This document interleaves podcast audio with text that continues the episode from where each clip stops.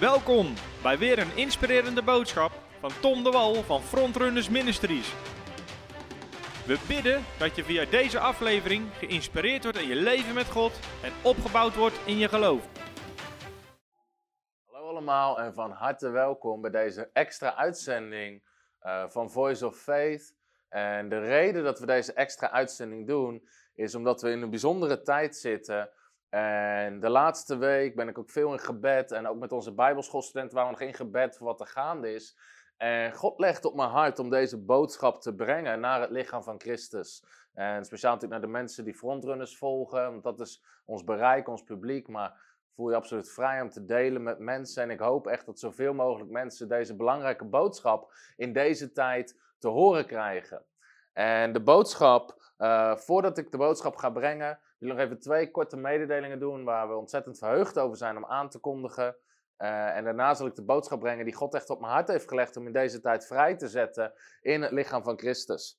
Nou, de twee uh, mededelingen waar ik ontzettend blij mee ben. De eerste is dat mijn boek Jezus aanraken officieel naar de drukker toe is. Uh, 25.000 keer gaan we dit boek drukken. Er zit een bijzonder verhaal aan vast.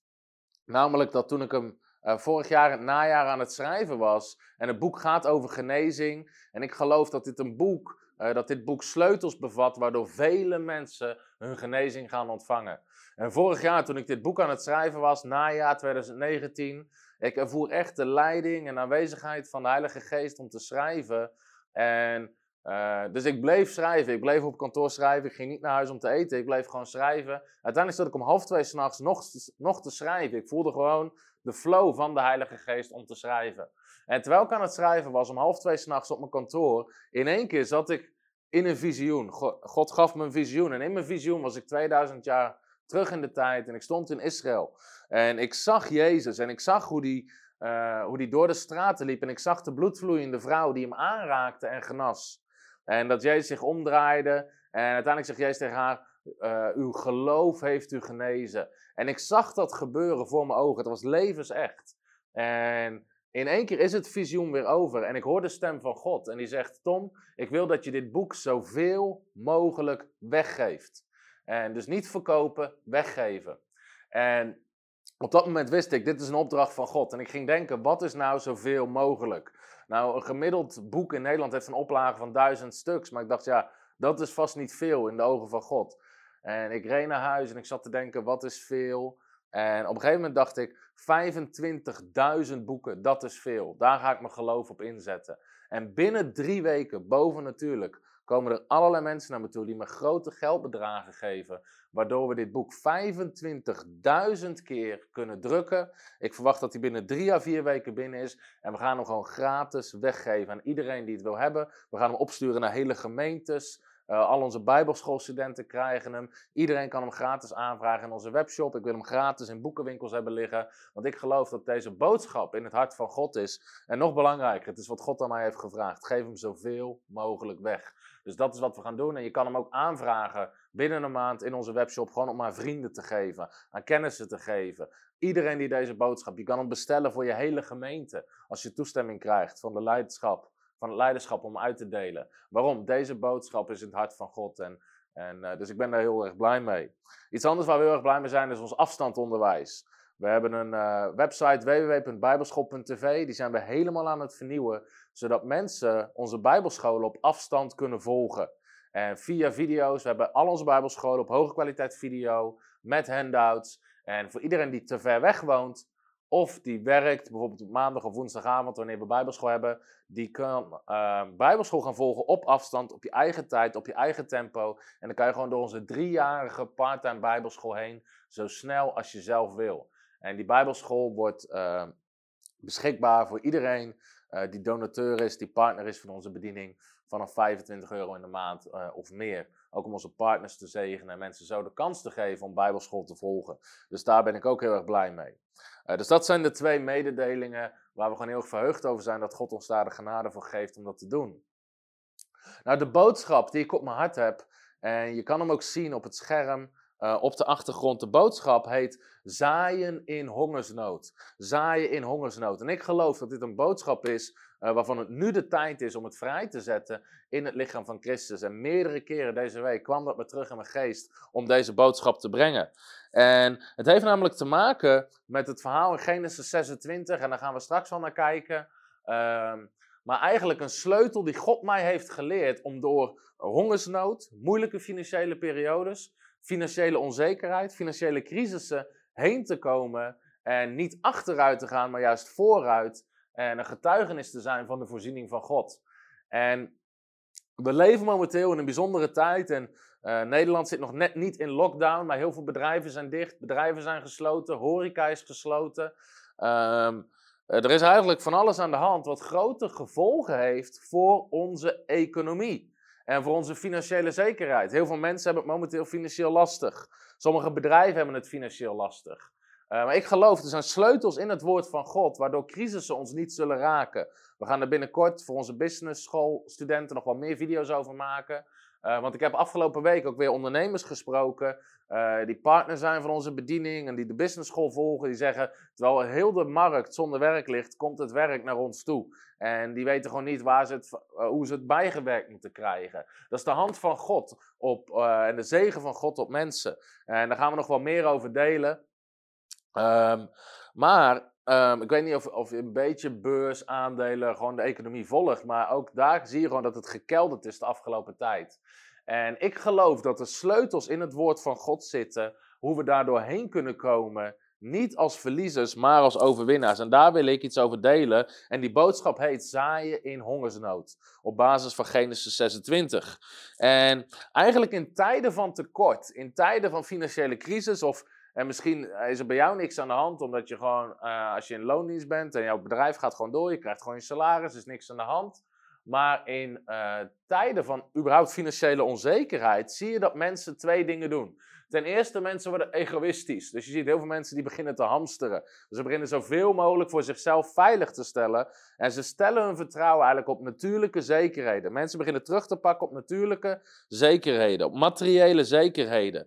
En je ziet dat mensen hun geld zoveel mogelijk vasthouden. Dus dat hoor ik ook van sommige ondernemers, dat klanten beginnen af te bellen, klanten betalen niet, waarom ze beginnen vast te houden. Nou, dit is eigenlijk, en bijzonder is dat Jezus onderwijst ons het tegenovergestelde. Je mag even Matthäus hoofdstuk 6 um, in beeld brengen vanaf vers 25. Jezus zegt namelijk dit in Matthäus 6, vers 25 en 26. Daarom zeg ik u, wees niet bezorgd over uw leven over wat u eten en wat u drinken zult. Ook niet over uw lichaam, namelijk waarmee u zich kleden zult. Is het leven niet meer dan het voedsel en het lichaam niet meer dan de kleding? Kijk naar de vogels in de lucht. Zij zaaien niet en maaien niet. Ze verzamelen niet en schuren. Uw hemelse vader voedt ze evenwel. Gaat u ze niet ver te boven? Dus dit is wat Jezus zegt eigenlijk over tijden van bezorgdheid. Het allereerste wat Jezus zegt is: maak je geen zorgen. Maak je geen zorgen, want God zorgt voor jou. Kijk naar de vogels. Zij hebben ook geen voorraadschuren. God zorgt voor ze. En jij bent nog veel belangrijker voor God dan een vogel. Dus God zorgt voor je. En dat is het eerste wat ik wil meegeven. God zorgt voor je. En God weet hoe hij voor zijn mensen moet zorgen. God zorgde voor 2 miljoen mensen in de woestijn, waar geen eten was, waar geen drinken was. Maar hij liet manna regenen uit de hemel. Hij liet kwartels vallen uit de hemel. Hij liet water komen uit een rots. De Bijbel zegt in Deuteronomium 8 dat hun kleding niet versleet. God weet hoe hij voor zijn mensen moet zorgen. En daarmee wil ik je bemoedigen. Dus maak je geen zorgen. Maar tegelijkertijd zijn er sleutels waardoor we in tijden van hongersnood om ons heen, of crisis, of financiële onzekerheid, hoe je het ook wil noemen, dat we niet, uh, niet ons alleen geen zorgen maken, maar zelfs dat het gewoon goed gaat met ons en dat we vooruit gaan in plaats van achteruit. En die sleutels wil ik je graag met je delen. En God leerde mij dit principe over zaaien in hongersnood eigenlijk voor het eerst in 2015. In 2015 waren wij net, net, net met onze bediening gestart, uh, met frontrunners. En ik was geen bekende spreker. Uh, ik was geen bekende voorganger. We hadden geen uh, maandelijkse donateurs. We hadden eigenlijk nog heel erg weinig. We zaten echt in de opstartfase. Het was een hele grote geloofsreis en geloofstap om te doen wat God van ons vroeg. En op een gegeven moment kregen we een rekening van Eh, iets van 1000, 1200 euro privé, wat we moesten betalen. En we hadden gewoon simpelweg het geld niet. We hadden eigenlijk bijna niks meer op onze rekening staan op dat moment. En ik, ik ging erover bidden. Ik zei, Heer, we hebben geld nodig. En ik was daar veel mee bezig. En op een gegeven moment stond, ik weet nog exact, ik stond onder de douche. En ik zei weer, zeg, Heer, ik zeg, we moeten die rekening betalen. Ik heb geld nodig. En God sprak tot mij. En God zei, Tom, ik wil dat je partner wordt van die bediening. En God gaf me de naam van een bediening. En uh, voor 30 euro in de maand. En ik zei, wacht even, wacht even. Hij zegt, u heeft het niet goed begrepen. Ik zei, ik heb geld nodig. Ik heb niet gezegd, ik heb geld over. Ik moet een rekening betalen van 1000 euro. Het is niet zo dat ik 1000 euro heb om weg te geven. We hadden bijna niks. Maar God zei, ik wil dat je partner wordt van die bediening voor 30 euro in de maand. En ik dacht van, nou, ik weet niet, ik weet niet of dat God het goed begrepen heeft. Maar ik ging naar mijn vrouw toe. Ik zei, ik zei Fem, dit is wat God tegen me zegt. We moeten partner worden van die bediening. Ik weet dat we zelf geen geld hebben. Uh, ik weet dat we een rekening moeten betalen. Maar dit is wat God zegt. En mijn vrouw zei, als dat is wat God zegt, dan is dat wat we gaan doen. Dus we gingen naar de website van die bediening. We werden partner. Eh, we ondersteunden ze per maand voor 30 euro. We vulden dat in. En de volgende dag kregen we een gift op onze persoonlijke rekening. Wat bijna nooit gebeurt, want heel veel mensen maken geld over naar de bediening. Van 1500 euro. En binnen één dag hadden we een vijftigvoudige oogst op het zaad wat we gezaaid hebben. En God leerde me daar een les om te zaaien in hongersnood. Terwijl we eigenlijk hongersnood hadden, financieel probleem, leerde God me een les om niet het geld terug te houden en vast te houden, maar om het geld uit te zetten als een zaad. En toen begreep ik dat partnerschap, partneren met bedieningen, betekent niet alleen dat de bediening gezegend wordt waar je aan geeft, maar dat het een sleutel is, een principe is in het woord van God, waardoor ook degene die geeft gezegend wordt. En ik heb er een boekje over geschreven, De kracht van financieel partnerschap, is vorig jaar uitgekomen, met heel veel voorbeelden. Ehm, vijf voordelen van financieel partnerschap, wat het is en hoe het werkt. En ik geloof echt dat heel veel mensen zijn al enorm gezegend door dit boekje. Als je het nog niet hebt gelezen, wil ik je van harte aanmoedigen om het te lezen. Want het gaat namelijk niet om dat de bediening uh, gezegend wordt alleen, maar degene die geeft wordt gezegend. Maar God gaf me die sleutel, namelijk zaaien in hongersnood. Zaaien in hongersnood. En mag even 2 Korinthe 9 vers 6 uh, laten zien. Want iets wat ik moest leren is namelijk dat de Bijbel spreekt over zaaien en oogsten. En ik wist dat al voor die tijd, uh, maar in deze tijd leerde ik het alleen maar meer en meer en meer. En uh, de Bijbel spreekt over zaaien en oogsten. En 2 Korinthe 9, vers 6 zegt dit.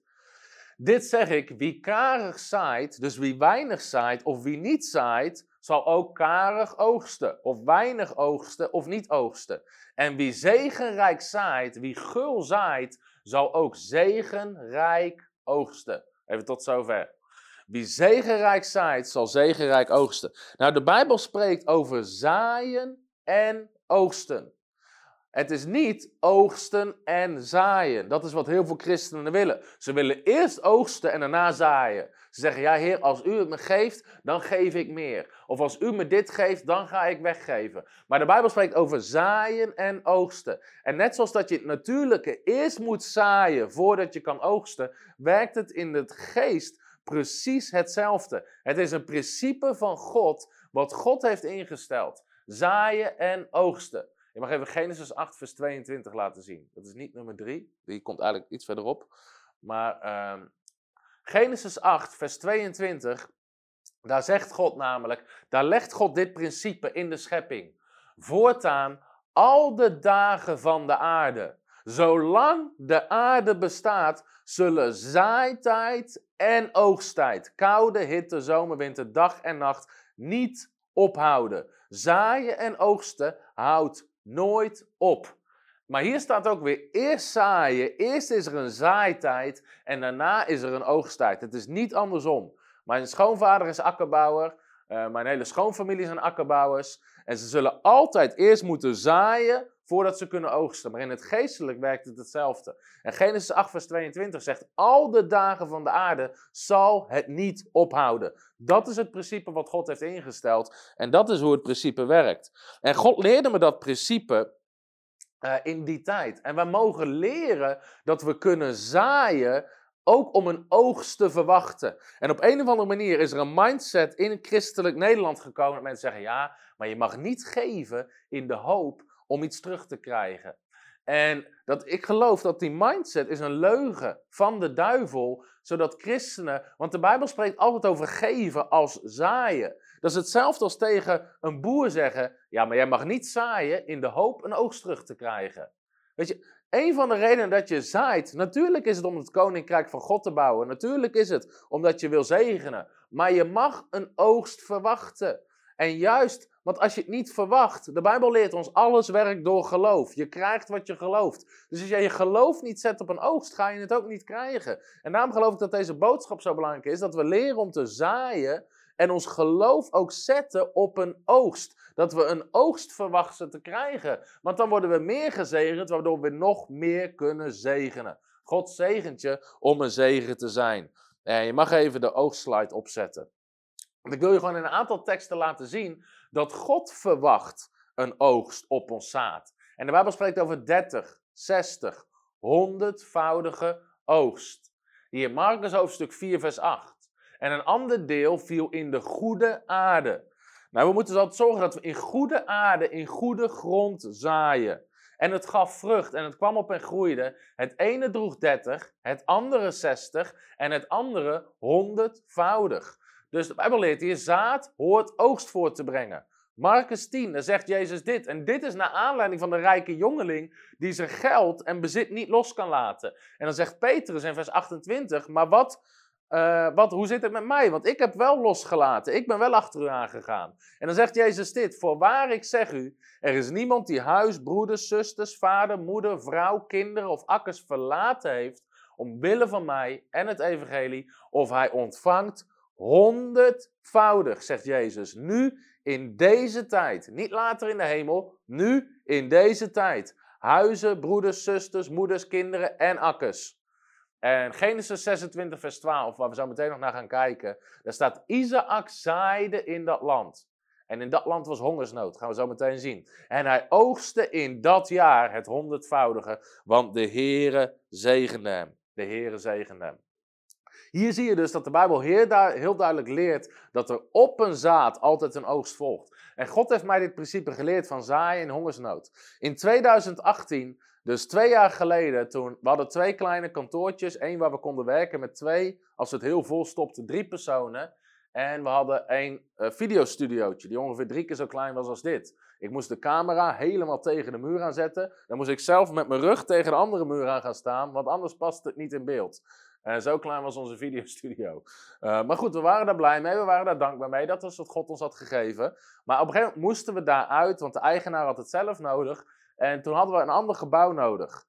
En God had gesproken over uitbreiding en groei. Dus ik wist, we gaan niet weer opnieuw twee kleine kantoortjes huren. We gaan voor een pand met een trainingszaal, samenkomstzaal waar 200 mensen in kunnen. We willen meer dan 10 kantoorplekken. We willen een grote studio. We hebben een kantine nodig. En uh, er, Alleen we hadden helemaal geen geld daarvoor. En op een gegeven moment ehm, sprak God over een pand. En dat is het pand waar ik nu in zit. Waar we ruimte hebben voor een videostudio. We hebben 13 kantoorplekken. We hebben een kantine. We hebben een uh, zaal voor onze bijbelscholen en conferenties. Waar 200 mensen in kunnen. We hebben een ruime foyer. En we zijn er ontzettend mee gezegend. Hoewel we er ook alweer uitgegroeid zijn. Dus we zijn alweer bezig met een nieuw pand. Maar in die tijd, ik had er absoluut geen geld voor. En toen ik de prijs zag, schrok ik gewoon ten opzichte van waar we voorheen zaten.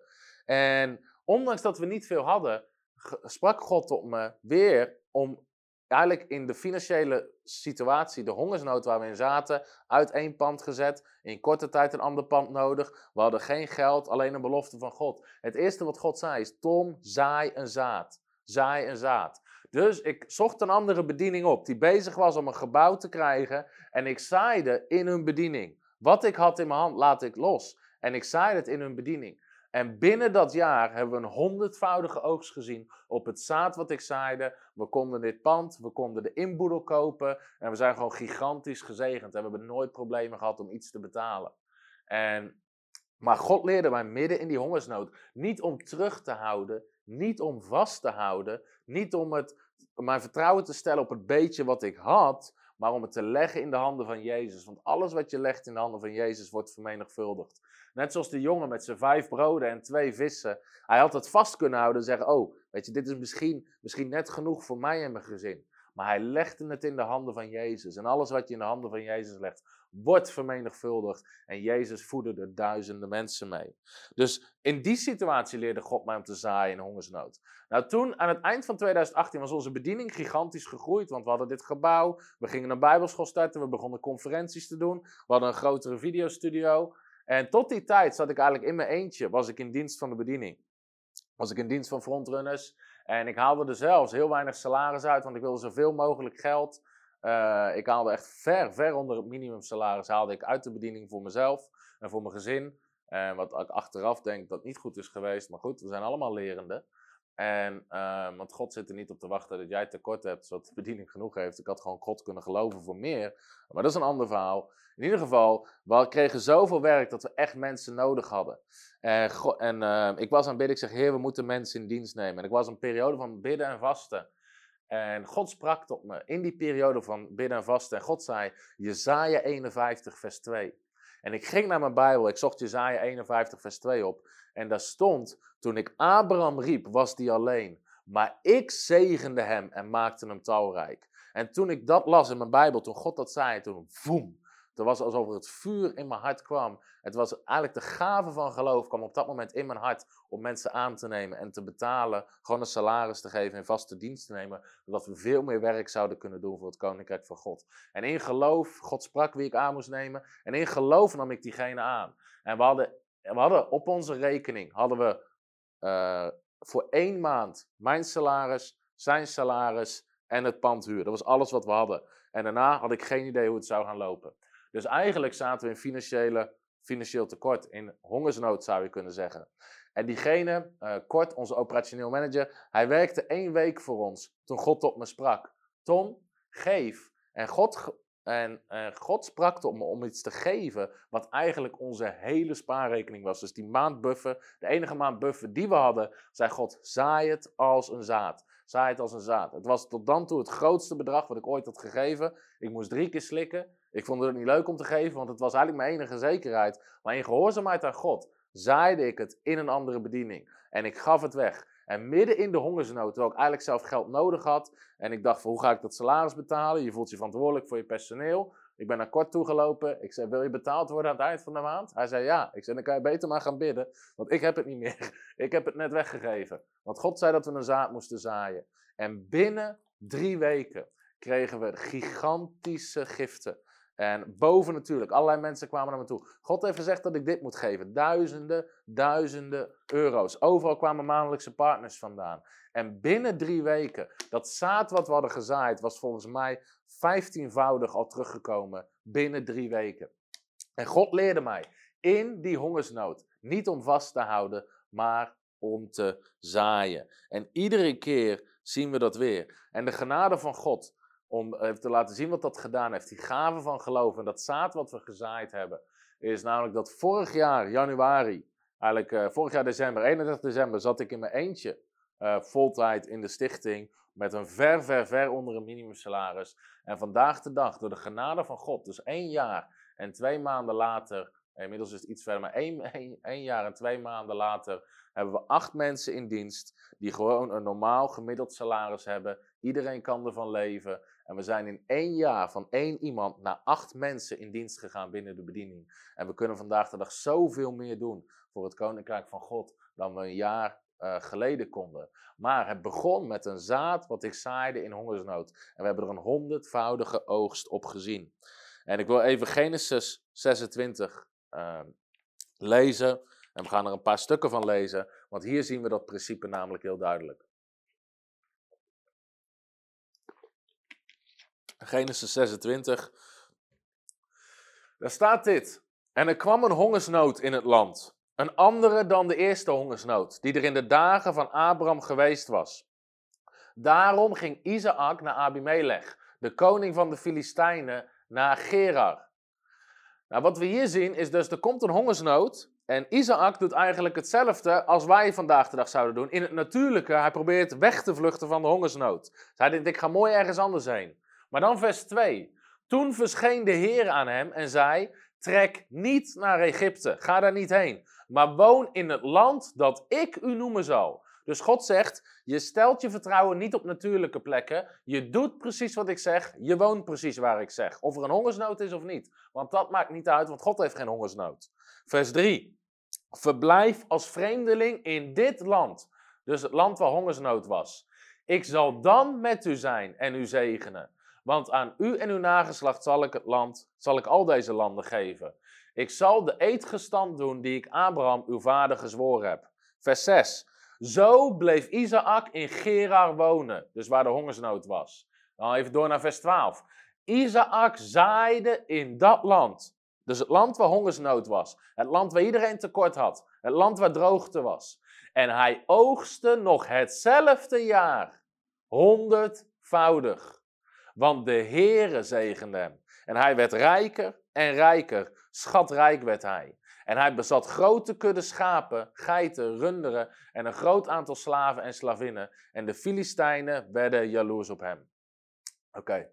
Hier zien we dus dat Isaac te midden van de hongersnood, droogte, er valt geen regen. Niemand gaat zijn zaad dan op het land gooien, want het lijkt gewoon weggegooid. Maar Isaac zaaide en hij oogste honderdvoudig. Isaac leerde dit principe van God, namelijk om in een hongersnood en tijd van financiële onzekerheid niet zijn zaad in te houden, maar uit te zetten. En de Heere zegen hem honderdvoudig dat jaar. Dat jaar. En uh, dat is nog een getuigenis, wat komt bij vorig jaar. Toen ik die gift gaf in 2019, in de eerste of tweede week van het jaar, toen was ik aan het bidden en vasten, want ik begin ieder jaar met drie weken bidden en vasten. En God gaf mij deze tekst uit Genesis 26. Isaac zaaide in hongersnood en hij oogste dat jaar honderdvoudig. En die gift, die, uh, wat, wat voor mij een hele grote gift was, ging over uh, duizenden euro's. En God zei tegen me, Tom, en uh, God gaf me deze tekst. Dit jaar zal je honderdvoudig oogsten op deze gift. En afgelopen december het was kerstvakantie, ons personeel was vrij. Ik was de allerlaatste dag, was ik hier nog aan het werk en mijn boekhouder kwam langs. En ik zei, ik wil de jaarcijfers zien. Ik wil het overzicht zien van wat we dit jaar hebben gedaan met de bediening. En hij was nog snel alles aan het invoeren, afmaken, aan het berekenen. Uiteindelijk gaf hij me de jaarcijfers. En we hadden exact 100 keer zoveel binnengekregen als dat ik gezaaid had als in januari. God had zijn belofte waargemaakt. Een honderdvoudige oogst in hetzelfde jaar. Een honderdvoudige oogst in hetzelfde jaar. En door de genade van God hebben we zo ontzettend veel kunnen doen. Waaronder deze professionele studio bouwen om duizenden, duizenden mensen te zegenen. Maar het was de belofte van God. Ik zaaide de grootste gift die ik ooit gezaaid had in een hongersnood. En ik oogste honderdvoudig. Dus in een aantal situaties leerde God mij dit principe om te zaaien in financiële onzekerheid, los te laten en zaad te zaaien en God te geloven voor een oogst. Niet alleen te zeggen, ja, we geven het, het maakt niet uit of er iets terugkomt. Het maakt wel uit of er iets terugkomt. Want het is een zaad wat we zaaien. En we staan altijd in geloof om meer te doen voor het koninkrijk van God. En midden in de hongersnood hadden we een honderdvoudige oogst. En de reden dat ik dit nu deel is natuurlijk omdat we eigenlijk in een financiële onzekerheid zitten en heel veel mensen vast beginnen te grijpen, terug beginnen te houden. Maar christenen horen het tegenovergesteld te doen. Dit zijn de momenten waarop ze een zaad moeten zaaien in de hongersnood en zeggen, Heer, ik geloof u voor een grote oogst dit jaar op dit zaad. En het bijzondere aan vind ik dus in drie verschillende uh, moeilijke situaties onderwees God mij dit principe om te zaaien in hongersnood. En een tijdje terug zat ik een preek te luisteren van Jerry Savelle. Hij is een prediker uit Amerika en ik kwam zijn preek tegen. En God had hem precies hetzelfde principe onderwezen. En hij deelde dat verhaal en ik vond het een wonderlijk verhaal, dus ik wil het graag met jou delen. In 1981, uh, Jezus zelf verscheen aan hem, dit principe neer te leggen. In 1981 moest hij spreken op een Believers Convention, dus op een, uh, op een geloofsconferentie uh, van, van Copeland.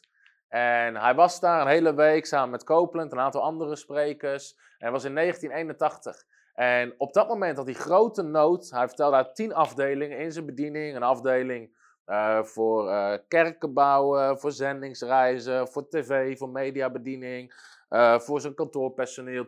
Had zijn bediening in tien afdelingen. En in al zijn afdelingen zaten ze eigenlijk financieel bijna aan de grond en hadden ze tekort. En hij was daar aan het spreken op die conferentie. En hij had smiddags gesproken.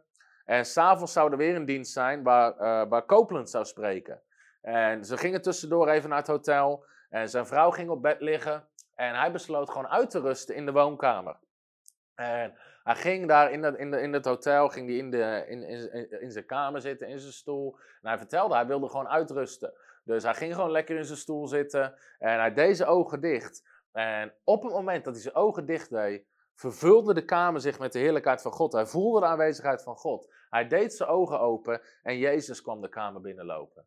En Jezus zei tegen hem: Ik leer je deze sleutels, zodat mijn mensen in een hongersnood uh, zullen weten wat ze moeten doen. In tijden van tekort zullen weten wat ze moeten doen. En Jezus begon tot hem te spreken over Genesis 26 en zaaien in hongersnood en het verwachten van een oogst. En Jezus, en hij beschrijft dus dat hij dat alles wat Jezus zei, begon hij begon die snel notities van te maken, aantekeningen van te maken. En exact de boodschap die God mij gaf eigenlijk in al die situaties, gaf Jezus aan hem om te zaaien in hongersnood. Niet zaad terug te houden, maar zaad te zaaien. En het bijzondere aan het verhaal was dus, op een gegeven moment dat, eh, dat, uh, dat visioen, die ervaring die hij heeft met Jezus, uh, is over. En de heerlijkheid van God is daar nog in die ruimte en zijn vrouw wordt wakker. En die voelt de aanwezigheid van God en zegt, wat is er gebeurd? En hij zei, Jezus is net aan me verschenen en hij heeft me dit uitgelegd. En hij besluit, en zijn vrouw vraagt, ga je dit delen met Copeland? Uh, en hij zei, nee. Als, het, hij zei, als, als, als, als hij het moet weten, dan zegt God het wel tegen hem. En, uh, maar hij besloot om meteen te handelen. Dus van die tien afdelingen die tekort hadden in zijn bediening, schreef hij alle tien uh, schreef hij een cheque om te gaan zaaien in de tijd van hongersnood. Maar die avond, dus hij ging naar de dienst toe, hij zat met zijn vrouw gewoon in de zaal. En er was een tijd van aanbidding, er waren wat mededelingen. En Copeland kwam het podium op om te prediken. En die sloeg zijn Bijbel open. En die zei: Ga met me mee naar. Ga met me mee naar. En hij zei weer niks. Hij zei: Ga met me mee naar. En hij slaat zijn Bijbel dicht. Hij wijst naar Jerry Swell. Hij zegt: Jezus is aan je verschenen in je hotelkamer en hij heeft je een boodschap gegeven. Kom naar het podium, deel hem en vergeet niks te zeggen van wat Jezus heeft gezegd. Dus hij had niks tegen Copeland gezegd. En hij kreeg een openbaring door de geest. En hij ging naar het podium en hij deelde die boodschap. En met dat hij zijn boodschap deelt, zaaide hij die tien checks in de bediening. En binnen een jaar had hij een honderdvoudige oogst. Dan waren al zijn afdelingen uit tekort. En een gigantisch getuigenis. En ook zo mooi die bevestiging. Dus dat, uh, dat God het ook had laten zien aan Copeland en dat hij die boodschap kon delen. En uiteindelijk kreeg hij een honderdvoudige oogst binnen een jaar. En het mooie is, God heeft geen aanzien des persoons. Het werkte bij mij, het werkte bij, bij hem, het werkte bij Isaac. Het werkte al duizenden jaren geleden. En ook in onze eigen bediening heb ik het gezien. Een aantal mensen, uh, ik heb een aantal ondernemers gesproken die, uh, die die partner zijn van onze bediening. En ik sprak een aantal afgelopen week. En de mensen die in geloof staan. Uh, terwijl midden eigenlijk de crisis, de markt stort in. Ik heb er alleen afgelopen week drie ondernemers gesproken. Die zeggen van al onze uh, collega's, alle andere bedrijven horen we. Mensen bellen af, klanten zeggen af, ze komen niet. De drie mensen die ik heb gesproken, ze zeggen joh, bij ons het is niet aan te slepen. Eén had de grootste opdracht. ik heb trouwens vier gesproken. Vier of vijf. Eén uh, had de grootste opdracht ooit in de geschiedenis van zijn bedrijf binnengehaald, te midden van deze tijd. Uh, de ander lag de hele sector stil. Hij was de enige bijna die bezig was. Weer een ander had deze week al vier of drie nieuwe grote klanten. En, en gewoon de zegen van God die erop rust. Maar het zijn allemaal mensen die ze eigenlijk zaaien, gewoon blijven zaaien, te midden van het tekort. En zelfs twee ondernemers, en dat vond ik gaaf om te zien, want dit is het onderwijs wat we neerzetten. Twee ondernemers die me afgelopen week opbelden en zeiden, we willen onze maandelijkse bijdrage verhogen, juist in deze tijd, om te reageren in het tegenovergestelde geest. En uh, één daarna sprak ik alweer en zei, het is ongelooflijk wat er gebeurt, de afspraken blijven er maar bij komen. En weet je, dat is de zegen uh, die erop zit. Dus wij moeten anders gaan denken over zaaien. We moeten anders gaan denken over zaaien. En ik deel dit ook specifiek omdat er in deze tijd nu de samenkomsten afgelast zijn, uh, conferenties zijn afgelast, bijbelschool is afgelast. Veel christenen die zijn uh, geen consequente zaaiers. Ze zaaien als ze af en toe een kans krijgen. Dus oh ja, er wordt een offer opgehaald, laten we even wat geven. Maar als er geen samenkomst zijn, als er geen conferentie zijn, als er geen bijbelschool zijn, vergeten ze te zaaien. Juist in de tijd dat het zo belangrijk is om te zaaien. En bewust te zaaien. En we moeten anders gaan denken over zaaien. We zaaien niet in bedieningen alleen maar omdat zij het geld nodig hebben. Natuurlijk hebben ze het geld nodig om meer te doen voor het koninkrijk van God. Maar je zaait ook omdat je de zegen nodig hebt en de oogst nodig hebt die God eraan belooft. En daarom vind ik het verhaal in 1 Koningen 17 zo mooi, waar er een hongersnood is. En de profeet Elia, daar spreekt God tegen. En dan zegt uh, God tegen Elia: Ga naar de stad, want ik heb daar een weduwe geboden om u te onderhouden. En dan zou je denken: joh, in die hele grote stad was er geen rijke zakenman, was er geen overheidspersoon, uh, was er niet een heel vermogend persoon daar die voor Elia kon zorgen. Maar God zei: Nee, ik heb een weduwe geboden om jou te onderhouden. En Elia gaat er naartoe en dan komt hij in de stad en hij ziet de weduwe. Maar die weduwe, en dan zegt Elia: zegt, Geef me wat te eten, geef me wat te drinken. En de weduwe zegt: Ik heb nog maar voor één maaltijd. En dan is het op en dan ga ik en mijn kind gaat sterven. En Elia zegt: Geef het aan mij. Hij zegt eigenlijk: en het is eigenlijk bizar als je erover nadenkt. Hij zegt: Geef het. En zij doet dat, ze zaait het en ze beseft eigenlijk, het is een zaad wat ik zaai. Dus de allerlaatste maaltijd besloot ze niet om te eten, maar om te zaaien. En dan zegt de Bijbel, en dat God deed een voor haar, waardoor de olie in de kruik en het meel in de pot niet opraakte, de hele hongersnood. Waarom stuurde God Elia niet naar een zakenman, niet naar een vermogend persoon, maar naar een arme weduwe? Niet omdat Elia per se die maaltijd van haar nodig had, die had iedereen hem kunnen geven. Zij had de oogst nodig. Zij had het nodig om te zaaien in hongersnood. Om te zaaien in hongersnood. En je mag even prediker 11 vers 4 opzetten. Want wat we vaak doen, ongemerkt, is dat we kijken naar de omstandigheden en we kijken naar de onzekerheid en dan zaaien we niet. En de Bijbel zegt in Prediker 11, vers 4: Wie op de wind blijft letten, zal niet zaaien. En wie naar de wolken blijft kijken, zal niet oogsten. Dus wie op de wind blijft letten, gaat niet zaaien. De omstandigheden, als je op de wind blijft letten, als je naar de omstandigheden blijft kijken, zijn de omstandigheden goed? Komt het goed uit? Ga ik uitkomen aan het einde van de maand? Uh, wat vindt eigenlijk die ervan als ik het doe? Is het niet heel veel? Wie op de wind blijft letten, zal niet zaaien. Kan ik nog een keer een beeld brengen?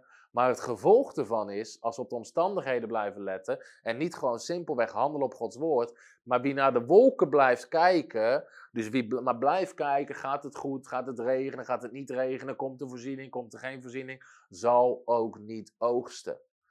Dus de les uit deze tekst is, let niet op de omstandigheden.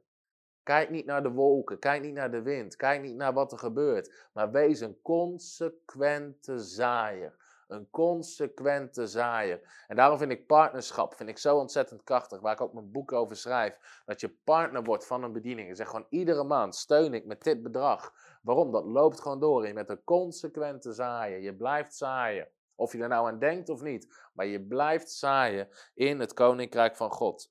En God zegt, je mag weer Genesis 8, vers 22 opzetten. Genesis 8, vers 22. Het is een principe van God. Al de dagen van de aarde zullen zaaitijd en oogsttijd, dag en nacht, koude en winter, of koude en hitte, zomer en winter, niet ophouden. Zie je, het zal niet ophouden. Het houdt niet op in een tijd van crisis. Het houdt niet op in een tijd van financiële onzekerheid. Het houdt niet op in een tijd van, van, van lockdown. Nee, zaaitijd en oogsttijd blijven al de dagen van de aarde. En dit is iets wat we moeten leren. En dit is iets wat, wat brandt in mijn hart om te brengen aan het lichaam van Christus. Dat we anders gaan denken over financiën, over geld, over zaaien en oogsten. En ik, ik begrijp echt niet, soms ook op onze, op onze video's van onze conferenties. Onze, al onze conferenties zijn gratis zijn gewoon gratis. Iedereen mag binnenkomen. Iedereen mag geven wat hij wil geven. Maar zelfs als er een offer opgehaald wordt, zeggen sommige christenen: waarom moet er altijd geld opgehaald worden? Nou, weet je waarom? Omdat christenen het voorrecht hebben om het koninkrijk van God te bouwen door hun financiën. En weet je, als je kaarten verkoopt is het niet goed. Als je offers ophaalt is het niet goed. Sommige mensen hebben altijd kritiek op geld, omdat ze een geest van mammon hebben en aan het geld vastzitten en er niet tegen kunnen als er iets gezegd wordt over geld, want ze zijn bang voor hun geld en zijn hebzuchtig naar hun geld. Maar ik geloof dat God een ander kaliber christenen op staat staan, wat vrijgevig is, wat graag het koninkrijk van God wil financieren en zaaitijd en oogsttijd snapt. En dat we hier anders over gaan denken. Want hetzelfde is wat je vaak hoort uit 2 Korinthe 9, God heeft de blijmoedige geven lief. En dan wordt er gezegd, dus als je niet, je mag hem even opzetten. Hij staat in 2 Korinthe 9, vers uh, eh, 7 is het aan mijn hoofd. God heeft de blijmoedige gegeven lief. God heeft de blijmoedige gegeven lief. En ehm,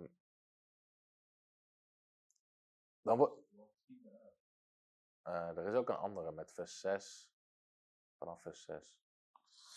God heeft de blijmoedige gegeven lief. En wat dan vaak gezegd wordt, is. We hebben namelijk al een beeld gehad.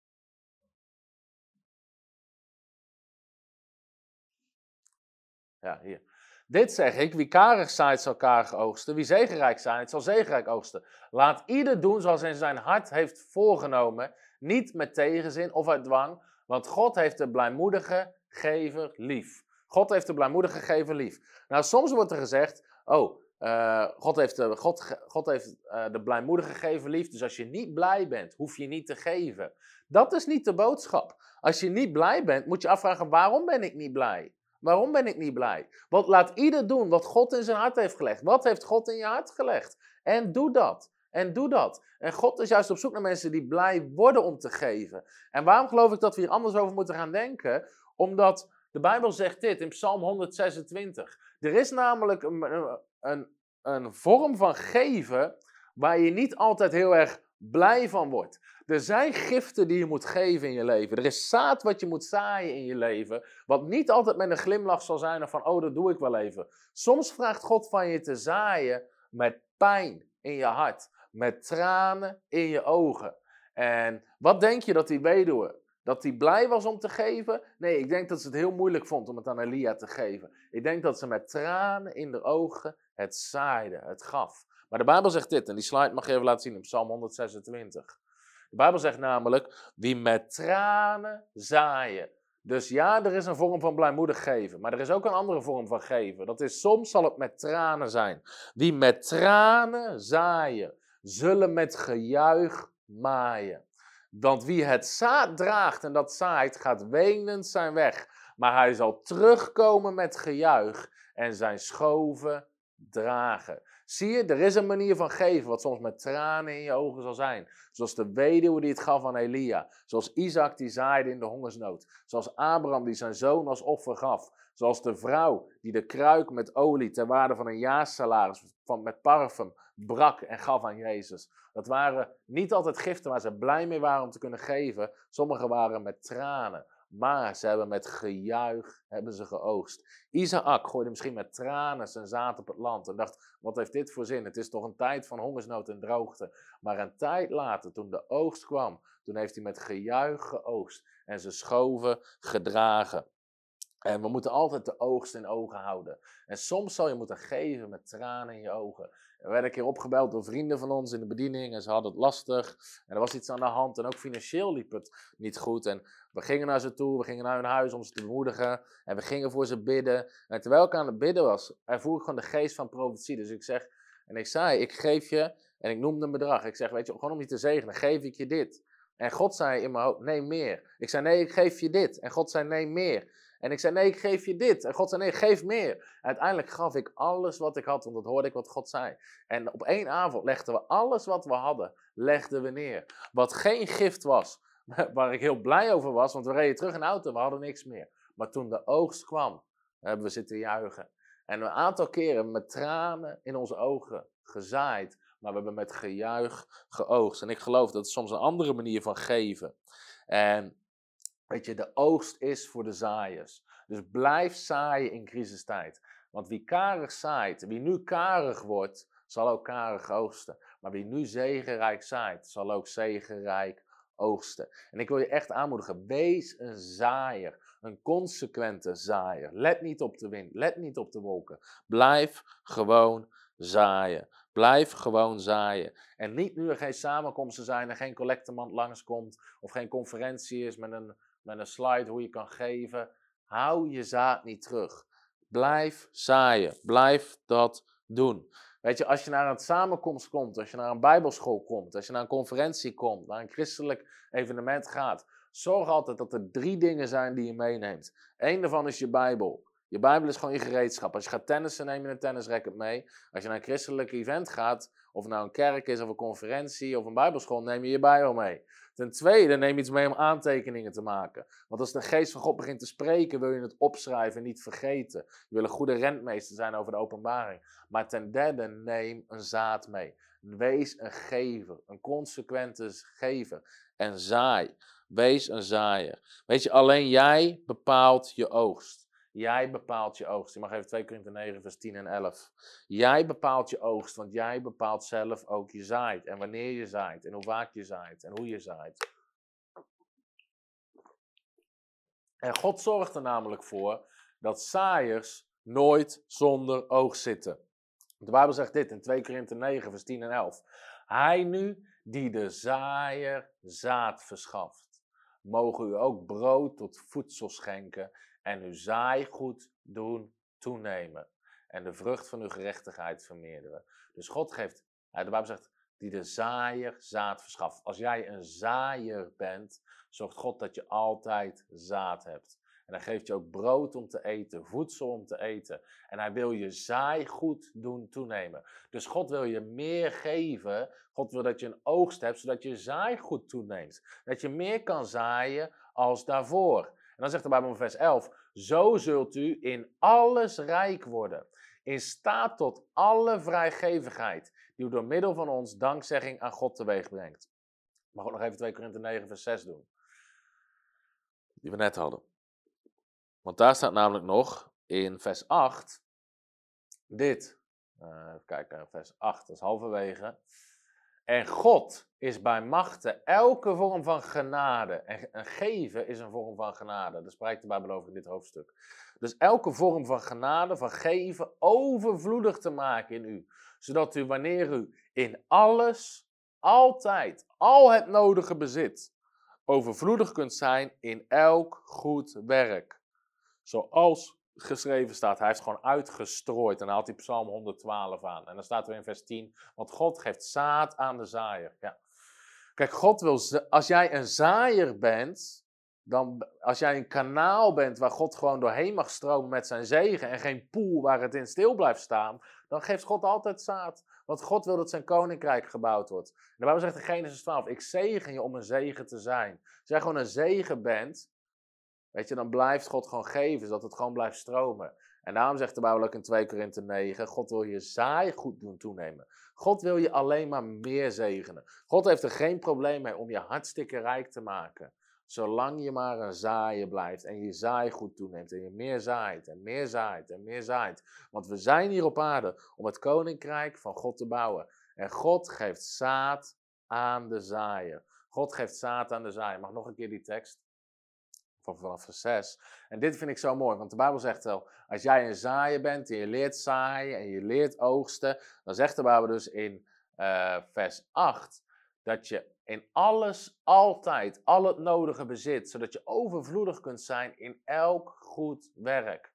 In elk goed werk.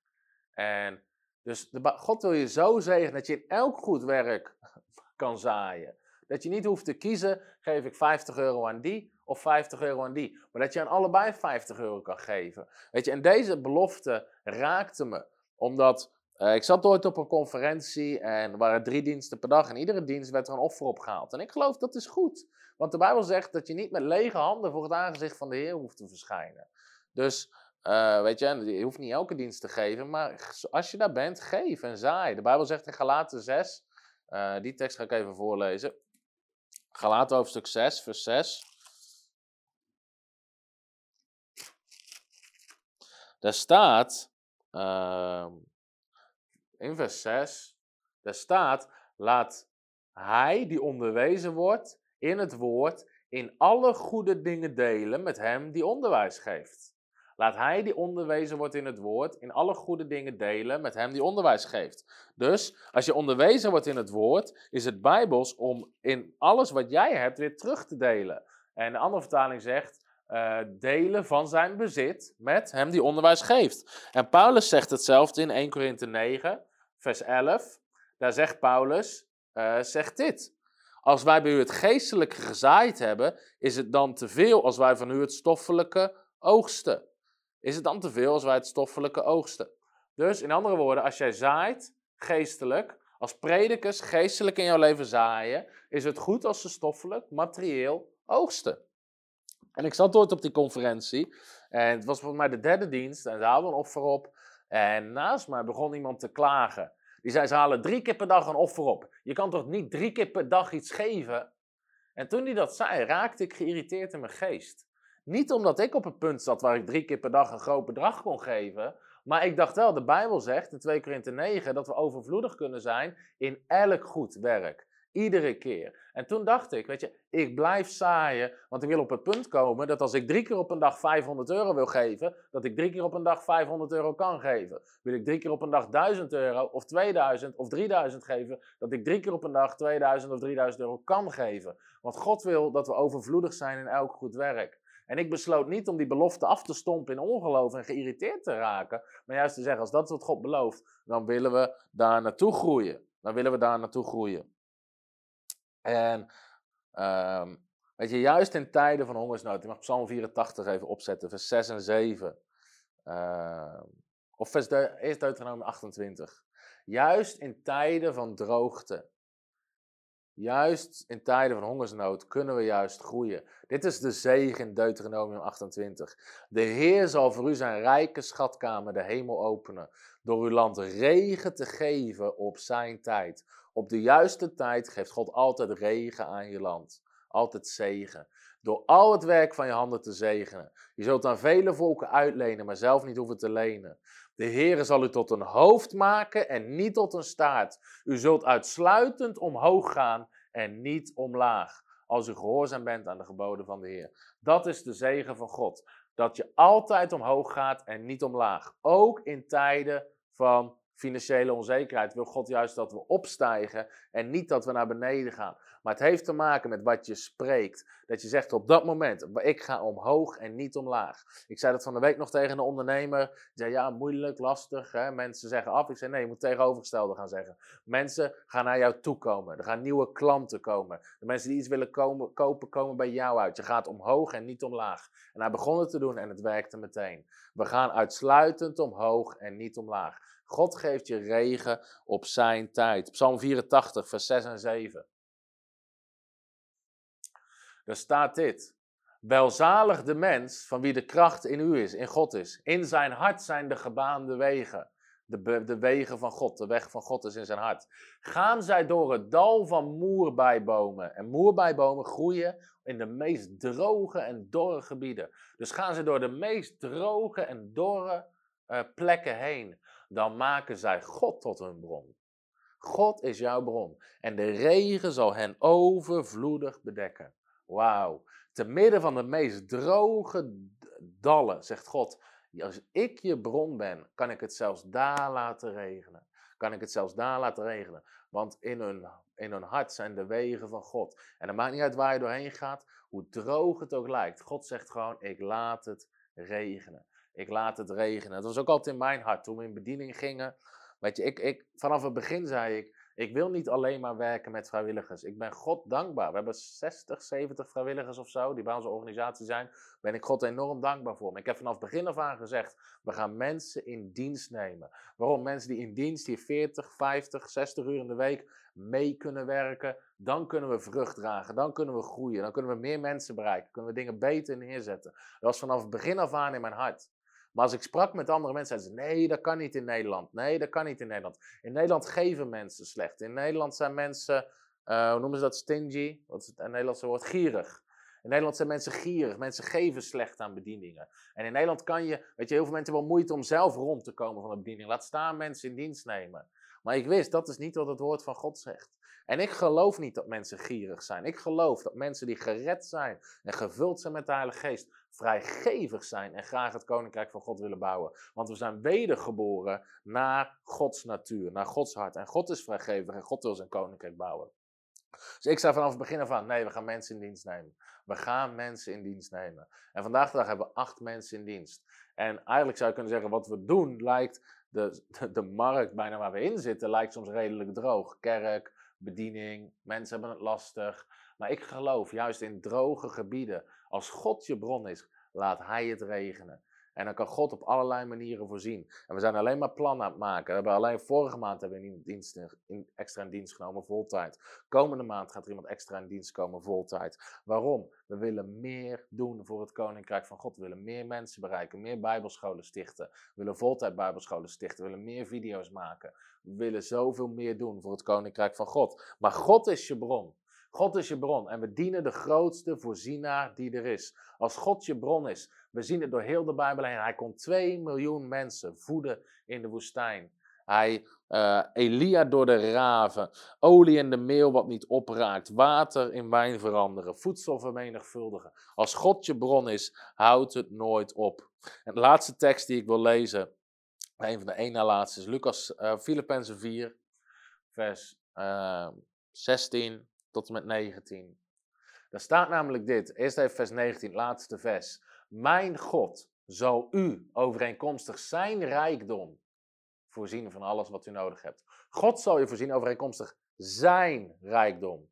Niet je salaris, niet de markt, niet de branche. Overeenkomstig zijn rijkdom. Hij is je bron. En hij voorziet van alles wat je nodig hebt. Nou, dit is een geweldige belofte. Maar voor wie geldt die? Want heel veel mensen zeggen, ja, ik claim die belofte uit Filippenzen 4 vers 19. Nou, daar staat heel duidelijk bij, daarvoor, voor wie die geldt. Dus laten we de versen daarvoor lezen. Want, dan zegt Paulus dit namelijk, waarom geldt die belofte voor die Filippenzen? Waarom schrijft Paulus dit aan hun? Omdat zij partners waren van, het, van Paulus' bediening. Want ook in Thessalonica hebt u mij één en andermaal iets toegestuurd. Dus in één stad hebben ze al meerdere keren iets naar Paulus toegestuurd, voor wat ik nodig had. Ik zoek niet alleen de gaven, zegt Paulus, maar ik zoek ook de vrucht dus de, de oogst die op uw rekening toeneemt. Ik heb alles ontvangen en ik heb overvloed, zegt Paulus. Ik ben geheel voorzien. Dus Paulus was voor heel voorzien door het, door partnerschap van de Filippenzen. Nu ik door middel van Epaphroditus ontvangen heb wat u gezonden is. Als een aangename geur en welgevallig offer, welbehagelijk voor God. En dan zegt hij dit. En mijn God zal u voorzien van alles wat u nodig hebt. Dus waarom gaven ze, waarom belooft Paulus dit? Waarom staat de, de, de, tekst dit? Omdat ze partners waren. Ze voorzagen Paulus van alles wat ze nodig hadden. Wat hij nodig had. En nou zegt Paulus, nou gaat God ook jou voorzien van alles wat je nodig hebt. Ze zaaiden, ze zaaiden. En daarom geloof ik dat deze boodschap zo ontzettend belangrijk is in deze tijd. Zaaien in hongersnood. Zaaien terwijl de markt naar beneden gaat. Zaaien terwijl iedereen in paniek zit. Dat we reageren in de tegenovergestelde geest. En doen wat Jezus zegt in Lucas 6, vers 38. Daar zegt Jezus: Geef en u zal gegeven worden. Maar je geeft eerst en dan zal je gegeven worden. Dus juist in deze tijd van hongersnood, financiële onzekerheid, waar mensen beginnen te hamsteren, te verzamelen, geld beginnen vast te houden, laten we reageren in een tegenovergestelde geest. En ten eerste ons vertrouwen stellen op God. Maar ik wil je ook uitdagen om in deze hongersnood een zaad te zaaien. Zaai. Want God zegt, in hetzelfde jaar kan je honderdvoudig oogsten, dertigvoudig, zestigvoudig, honderdvoudige oogst. En ik wil je aanmoedigen om een consequente zaaier te zijn. Ook nu er geen conferenties zijn, misschien nu er even geen bijbelschool is. Maar blijf zaaien. Wees geen toevallige zaaier als er een mand langskomt, als er een offer opgehaald wordt. Maar wees een consequente zaaier. Neem zelf het initiatief om te zaaien. Juist te midden van een hongersnood is het meest onverstandige wat je kan doen je zaad vasthouden. Want God wil je zegenen, maar het is eerst zaaien en daarna is het oogsten. En meteen, ehm, dus dat is echt de boodschap die ik op mijn hart had, waar ik heel de week aan moest denken. Deze tekst, Genesis 26, midden in de hongersnood, juist zaaien. Juist zaaien. En ik wil het zelfs, ik wil gewoon de kans geven om het praktisch te maken. En de reden dat ik het doe, is dat we dat met alles doen. Als ik preek over genezing, bidden we voor de zieken. Als ik preek over redding, dan geven mensen de kans om een leven aan Jezus te geven. Als ik preek over de doop in de geest, leggen we handen op mensen. En, en uh, helpen we ze om in tongentaal te spreken. Uh, de Bijbel zegt dat we daders moeten zijn van het woord. Dat we uh, doen. Dus ik wil je ook gewoon de kans geven na deze uitzending uh, om te zaaien. Als je zegt, hey, dit, is, dit, klikt in mijn hart. Dit, is, dit zijn de sleutels uit het woord van God. Waar ik in geloof, wil ik je meteen de kans geven om dit praktisch te maken. Dus als je wil geven, en dan, dan zijn er verschillende manieren om dat te doen. Je kan even de slide laten zien. Ten eerste wil ik je vragen, als je nog geen partner bent van onze bediening om dat te worden. De belofte van Filippenzen 4 vers 19, God zal voorzien in alles wat je nodig hebt, schrijft Paulus aan zijn partners. Als je geen partner bent, wil ik je uitnodigen om dat te doen. Uh, je kan partner worden via onze website www.frontrunnersministries.nl slash partners. Ook in de omschrijving van deze video zal een link staan. Als je daarop klikt, ga je meteen naar die pagina toe. Kan je gewoon invullen en zeggen, hey, met dit bedrag per maand help ik. Je kan gewoon partner worden uh, voor een bedrag wat je zelf kiest. Maar misschien zeg je wel, hey, ik wil echt impact maken, ook op de bediening. Ik wil echt helpen. We hebben een groep 1K partners. Mensen zeggen, hey, ik wil minimaal 1000 euro per jaar of meer geven. Dat is vanaf 83, dus dat klinkt heel veel, maar is maar 83 euro per maand. Hij zegt, hey, weet je, ik wil echt, ik wil meehelpen daarin. Ik heb het om hard om 1K partner te worden. Uh, kan je dat doen? Of business partner als je wil geven vanuit je bedrijf. En uh, iedereen die partner wordt, uh, ik wil altijd onze partners. Partnerschap is samenwerking. Ik leg dat uit in mijn boekje. Dat partnerschap is niet alleen je geeft aan de bediening, maar er zitten wederzijdse voordelen aan. De samenwerking. Dit boekje stuur ik je sowieso op. Maar speciaal naar aanleiding van deze uitzending. Iedereen die partner wordt uh, voor 25 euro of meer. En ik zou gewoon zeggen: doe wat in je macht is om te doen. Om te helpen het koninkrijk van God te bouwen. Voor de ene is dat 25, voor de andere is dat 50, voor de andere is dat 100, voor sommigen is het 150, voor sommigen is het nog meer. Maar doe wat in je hand is om te doen, om te zaaien in deze tijd. Om partner te worden op maandelijkse basis. En omdat het samenwerking is, alle nieuwe boeken die ik schrijf, stuur ik je toe.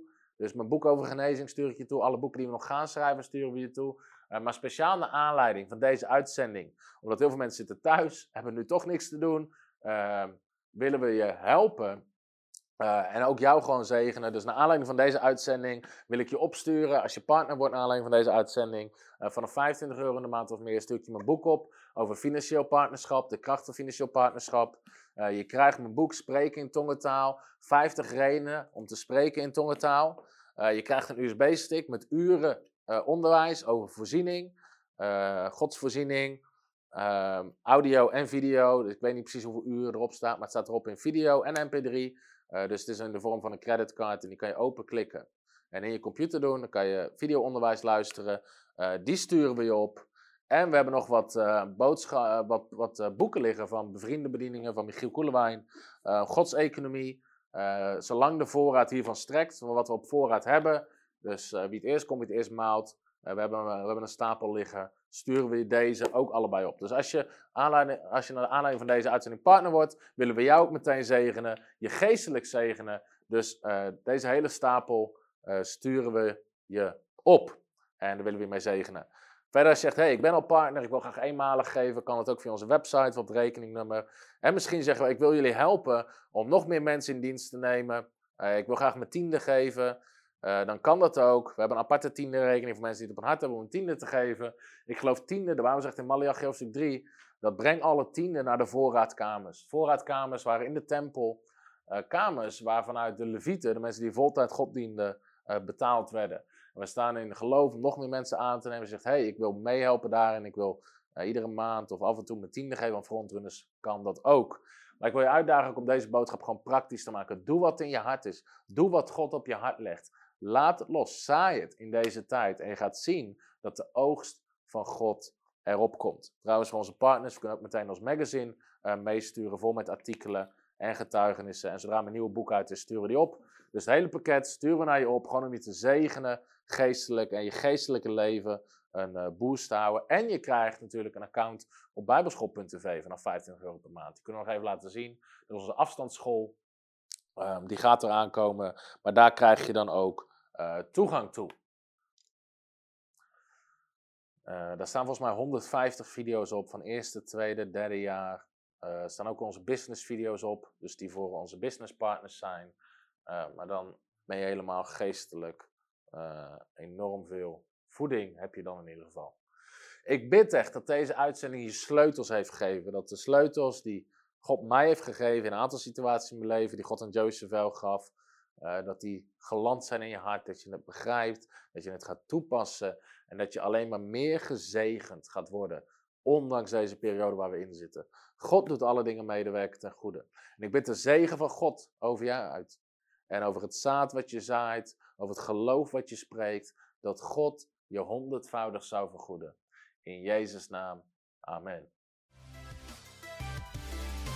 Hallo, Tom de Wol hier en bedankt dat je weer geluisterd hebt naar onze podcast. Ik bid dat het je geloof gebouwd heeft en je bemoedigd bent. Als je niet alleen een luisteraar van onze boodschap wil zijn, maar ook een verspreider daarvan, wil ik je uitnodigen om partner te worden van Frontrunners. Door jouw maandelijkse donatie help je ons om dit evangelie van Jezus Christus en het woord van God over heel de aarde te brengen. Om partner te worden, ga naar www.frontrunnersministries.nl slash partners en word partner.